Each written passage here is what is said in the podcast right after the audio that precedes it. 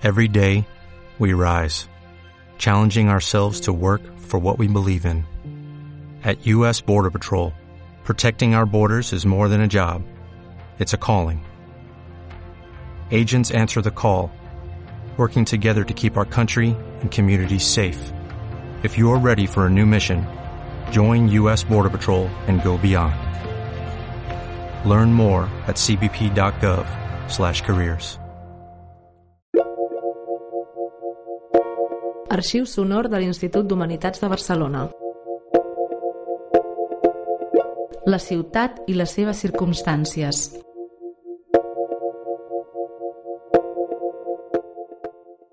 Tercera sessió. El ciutadà en l'era del cinetisme generalitzat, a càrrec de Lluís Duc. Les ciutats perifèriques, eh, tot el barraquisme que encara hi ha en moltes ciutats i, i sobretot, diguem-ne, la descomposició, podríem dir-ne cívica, de les ciutats actuals eh, o, de, o de moltíssimes ciutats actuals. Eh, no, gai, no cal anar gaire lluny, a França mateix eh, més cal llegir els diaris per veure eh, en les eh, banlieues eh, tota la feina que hi ha i, tota, eh, i les, els comportaments de la policia i de la població i tot això. I això, en, de, eh, en definitiva, és en detriment del de, paisatge. És a dir, que el fet que els ciutadans eh, puguin eh, passejar lliurement eh, per la ciutat. Eh, jo a l'autònoma tinc el 60% de, que tinc són llatinoamericans i una de les coses que els encanta més d'aquí, de, en, en concret de Barcelona, eh, és que poden passejar, és a dir, que poden anar pel carrer amb una certa, diríem, seguretat. Eh, ciutats com Ciutat de Mèxic o Sao Paulo Caracas, eh, eh, el mateix Buenos Aires, eh, dir, són ciutats, eh, diríem, en aquest sentit, eh, perilloses. I mm, eh, m'ho deien, això ja fa molts anys que, que, que, que tinc aquest percentatge d'alumnes llatinoamericans i, i per tant no és una cosa que me l'hagin dit aquest any passat, sinó que m'ho han repetit moltíssimes vegades. No? I Mm, diríem, aquest passejar per les ciutats també eh, ens pot fer prendre consciència que som ciutadans. En canvi, quan el paisatge urbà està malmès, eh, realment el que, el que volem eh, és eh, fugir-ne. Per tant, aquesta qüestió del paisatge urbà eh, és, a la meva manera d'entendre, eh, molt eh, eh, conflictiva, perquè d'una banda urbanistes i eh, dissenyadors de, de, de ciutats o de barris eh, proposen uns models, podríem dir-ne, eh, fantàstics, i de l'altra banda hi ha l'especulació del sol, hi ha tota la qüestió del barraquisme, tota la qüestió de la no absorció dels immigrants, és a dir, hi ha una contradicció eh, molt, eh, molt conflictiva. Per això crec que es pot dir que eh, la relació de l'ésser humà actual amb la naturalesa, concretament amb el paisatge urbà, és mm, al mateix temps paradoxal i contradictòria. D'una banda hi ha un descobriment o un cert redescobriment de la natura i per l'altra hi ha una utilització, diríem, industrial, en el sentit pitjor, d'aquesta eh, mateixa natura. Eh, eh, aquesta qüestió que sembla tan fàcilment eh, dita eh, podria ser l'objecte d'una reflexió molt llarga. Eh, i eh, aquesta reflexió tan llarga eh, es basaria sobretot eh, en la contradicció molt forta que hi ha entre les dues grans cultures que eh, es troben mm, a la, a la base de la nostra pròpia cultura occidental. M'estic referint d'una banda eh, a la cultura grega i de l'altra banda a la cultura semita. Eh, em sembla que el dia passat ja ho apuntava, que aquestes dues cultures que mm, d'una manera molt efectiva i segons com també afectiva es troba a la base de la nostra cultura, eh, en moltes qüestions eh, són antagòniques. Eh, per exemple, en la qüestió de com pensen l'absolut, de com pensen la història, de com pensen el mateix ésser humà. És a dir, en totes aquestes qüestions mm, són mm, contràries. I en relació amb la natura, la mm, cultura semita no té cap admiració, no té cap reverència per la natura, sinó que la natura és una material, podríem dir, que està a disposició mm, de l'ésser humà. Evidentment se, se li demana, almenys teòricament, responsabilitat, però la natura no té cap segell, podríem dir-ne, de transcendència o de superioritat eh, o de bellesa o de sacralitat. En canvi, pel pensament grec és tot el contrari. Eh, la natura, el cosmos, eh, és la quinta essència, podríem dir-ne, de la bellesa, de l'ordre, de la totalitat, és a dir, d'allò que és i no pot deixar de ser. Mm, aquí també hi ha, un, o es manifesta, una de les eh, fortíssimes contradiccions eh, entre la cultura semita i la cultura grega. Per la cultura semita, allò que canvia no és ni necessàriament ni bo ni dolent. Mm, pot ser bo i, o pot ser dolent. Pot, és a dir, pot haver-hi un canvi per al bé o pot haver-hi un canvi per al mal. És a dir, eh, el, el, temps, podríem dir, per la cultura semita, eh, mm, es, té aquesta ambigüitat eh, fonamental. Però, evidentment, el temps, la història, és l'àmbit eh, del, diríem, del millorament. Si hi ha millorament, si hi ha eh, acció ètica correcta, tot això es fa eh, en el temps es fa en la història. És evident que l'ésser humà també pot actuar d'una manera perversa i, llavors, i aleshores el temps, la història, eh, en lloc de ser eh, entitats positives, són entitats negatives. En canvi, per la cultura eh, eh, grega, el canvi, la història, sempre és negativa sempre, sempre representa pèrdua, sempre representa envelliment. I això, eh, aquesta idea de la tradició o de la cultura grega, podríem dir-ne que és pràcticament un universal. És a dir, això que anomenem cultures senzilles, cultures, eh, els antropòlegs de finals del XIX deien cultures primitives i ho deien amb un to eh, molt despectiu perquè sobretot es tractava de les antropologies britàniques que consideraven que la cultura anglosaxona doncs, era el, el cimal eh, de totes les cultures, del desenvolupament, és a dir, on, allí on el darwinisme social, per dir-ho d'alguna manera, s'havia manifestat en la eh, eh, seva plenitud. Per la cultura grega, tot allò que canvia no pot ser perfecte.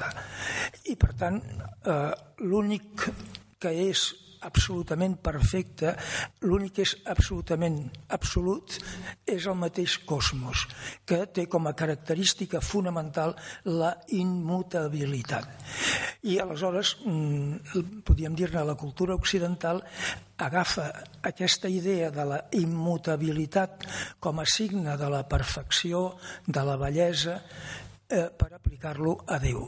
I per això, diguem-ne, la concepció de Déu que surt en la cultura occidental a partir del món grec és molt diferent de la idea de Déu que en el mateix cristianisme que no se sent. Sí. Eh, o sigui, la, la idea de Déu eh, que surt, diguem-ne, de la mm, cultura semita eh, és un, una idea de Déu històrica eh, que, diguem-ne, que no, que no és conceptualitzable, eh, sinó que, podríem dir-ne, Déu està sempre per descobrir, eh, eh, sempre és, com deia Sant Agustí, si el comprens, no és Déu, no és Déu. Si comprendis, non est déus. És a dir, eh, Déu per la cultura semita no pot entrar dintre de l'àmbit de la racionalitat, perquè fer-lo entrar dintre de l'àmbit de la racionalitat és fer-ne un objecte, és objectivar-lo i per tant això eh, eh, significa eh, eh, arrabassar-li, podríem dir-ne, la seva qualitat d'absolut.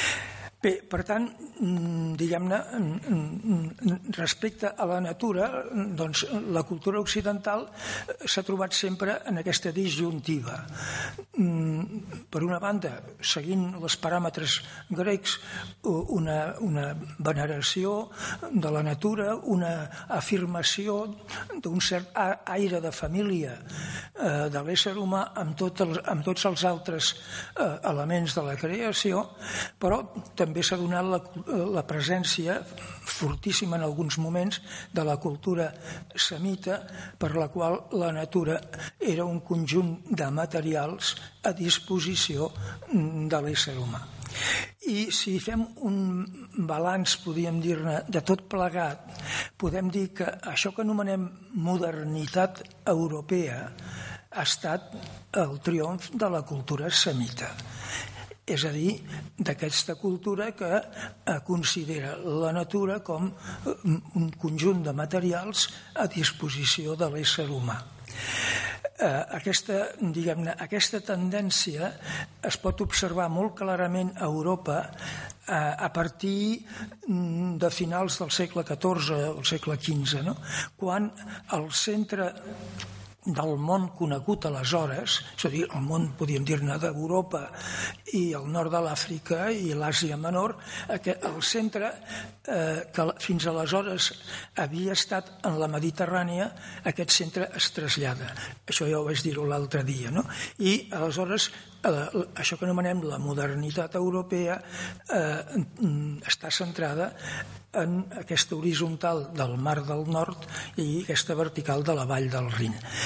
I que també em sembla que deia l'altre dia que la característica fonamental d'aquest nou centre del món és que el sentit humà mm, primordial és la oïda i el seu correlat la lectura. En canvi, en el món quan tenia com a centre la Mediterrània, el sentit corporal fonamental era la vista. I eh, les coses es mantindran així pràcticament fins al segle XIX. És a dir, el, el, el món mediterrani no serà el món de la modernitat europea. El món de la modernitat europea serà un món eh, protestàntico-anglosaxó, podríem dir. No? És a dir, eh, eh, els llocs on la, eh, les tradicions reformades, aquest any, pensi, el, mil, el 2017 es fan 500 anys de eh, les tesis, les famoses tesis de, de Luther i mm, també les reformes protestants també es fan ressò d'aquesta eh, modernitat basada en el sentit corporal de la oïda i en el seu correlat que és la lectura. En canvi, el món mediterrani es mantindrà sobretot vinculat a la vista i, diguem-ne, la gran manifestació artística eh, d'aquesta realitat serà eh, l'art barroc. L'art barroc eh, és un art, sobretot, mm, visual. En canvi, el, el món eh, germànic, per exemple, donarà molt, eh, mm, molt art de tipus auditiu. Recordin eh, Handel, Bach, eh, Bustehude, és a dir, tot, tota aquesta sèrie de, de grans eh, artistes que no mm, treballen sobre la vista, sinó sobre, sobretot sobre l'oïda. En aquests últims anys eh, a l'Occident s'ha pres una certa consciència de que eh, era necessari recuperar el paisatge. I no solament el paisatge, podríem dir-ne, dels boscos, de les planures, sinó també el paisatge urbà, perquè eh, les ciutats també són paisatge, és a dir, també són eh, realitats construïdes harmònicament. I, eh, per tant, són realitats que tendeixen a la cosmització, és a dir, a l'ordre i a la bellesa, que això és el que significa el mot grec cosmos, significa ordre i bellesa.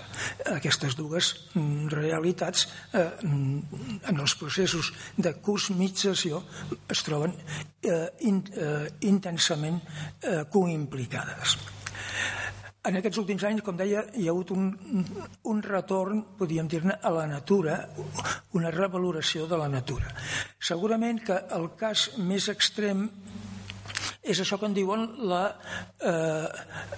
l'ecologia eh, profunda, la deep ecology que mm, aquesta ecologia profunda que eh, curiosament té com a punts de partida els països escandinaus i també eh, eh la Gran Bretanya.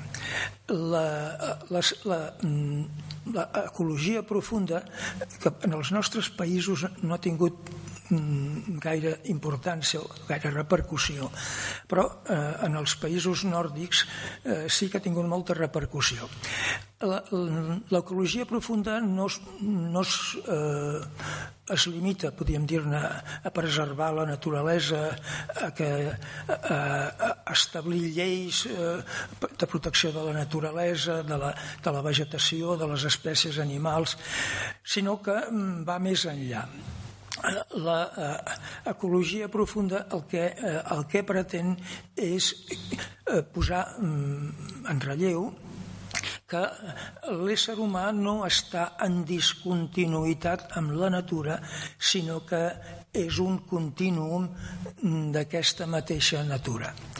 És a dir, que eh, hi ha com una mena de eh, naturalització de l'ésser humà i de biologització eh, de la natura. Això, aquesta idea que mm, en el seu moment va semblar que era molt nova, resulta que no és gens nova, sinó que el nacionalsocialisme, el, la primera llei que va promulgar el 1933, el mes de març de 1933, va ser una llei de defensa de la natura. És a dir, el nacionalsocialisme com a ideologia eh, el que pretén o el que pretenia era justament aquesta naturalització de l'ésser humà i aquesta biologització de la natura. I per això, diguem-ne, eh, el seu intent és retornar eh, a la puresa de la raça és a dir, quan ja no es parlava, en antropologia ja no es parlava de races, eh, el nacionalsocialisme torna a posar en circulació eh, la idea de raça i juntament amb la idea de raça en propugna una altra, que, eh, que és la idea d'higiene. És a dir, cal higienitzar eh, la raça. Aleshores, eh, tots tenim una idea del que van ser eh, els camps d'extermini, la qüestió del per què eh, van mm, assassinar, van eh, desfer eh, tants milions de jueus. I aquí cal fer una precisió que no sempre es fa però que crec que és de la màxima importància. Mm, qualsevol lectura, per superficial que sigui, de la història europea, doncs posa en relleu eh, que eh, hi ha hagut progroms, que hi ha hagut mm, persecucions del jude, dels jueus, guetos, és a dir, tot, tot, tot això que mm, es pot seguir tant en la història i que ha estat com una mena de constant eh, en aquests 2.000 anys de, diguem de, de la nostra era. Ens podem preguntar si el tracte que fan els nazis als jueus està dintre d'aquesta línia. I hem de dir que no hi està en absolut. Per què? He dit que eh, el propòsit de l'ecologia profunda en, en, actualment, però amb el seu antecedent, la ideologia nazi d'un Rosenberg o d'un Frank eh, eh, o d'un mateix, mateix Hitler, eh, era això, recobrar la puresa de la raça. És a dir, llavors tota la qüestió dels indoeuropeus que estaven, eh, tenien el punt de partida al nord d'Europa, als països sobretot escandinaus, etc. No? I aleshores, eh, en aquesta recuperació de la puresa de la raça, eh, es troben que hi ha una raça, i utilitzant el seu llenguatge, que no és higienitzable és a dir, que no pot ser recuperada, és a dir, que no pot ser guarida, que no pot ser sanejada. I aleshores aquesta raça doncs cal desfer-se'n, cal desfer-se'n. La primera proposta que fan és traslladar els jueus a Madagascar, però aleshores, com que per enmig hi ha la Segona Guerra Mundial, llavors hi ha aquella, aquella reunió de Wannsee, un, un llac a, a, a prop de, de Berlín, eh, l'any 42, que mm, és allí on propugnen mm, la, la solució final, la Endlösung. És a dir, en no poder portar, traslladar els jueus a Madagascar, doncs llavors eh, hi ha la solució final. El que volia subratllar és això, no? és que no es tracta de un progrom o d'una diguem-ne d'una venjança com ha estat habitual en la història, no? És tota una altra qüestió, no? És una altra qüestió. És evident que eh, també es donaran casos de, eh, de la primera, diguem-ne, del primer tipus de, de reacció. Per exemple, la famosa Kristallnacht, aquell, aquella destrucció dels, dels eh, comerços jueus eh, l'any 38, allò, allò és un progrom, no? Allò, és, allò no, és, no, no està dintre de la solució final. No?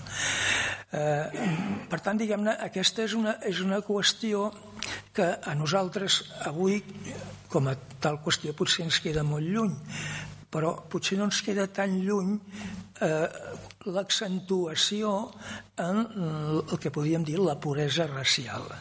Eh, que antropològicament no té sentit perquè l'ésser humà és un ésser eh, eh, diguem-ne heterogeni no? és a dir, no és un ésser eh, eh, d'una peça no?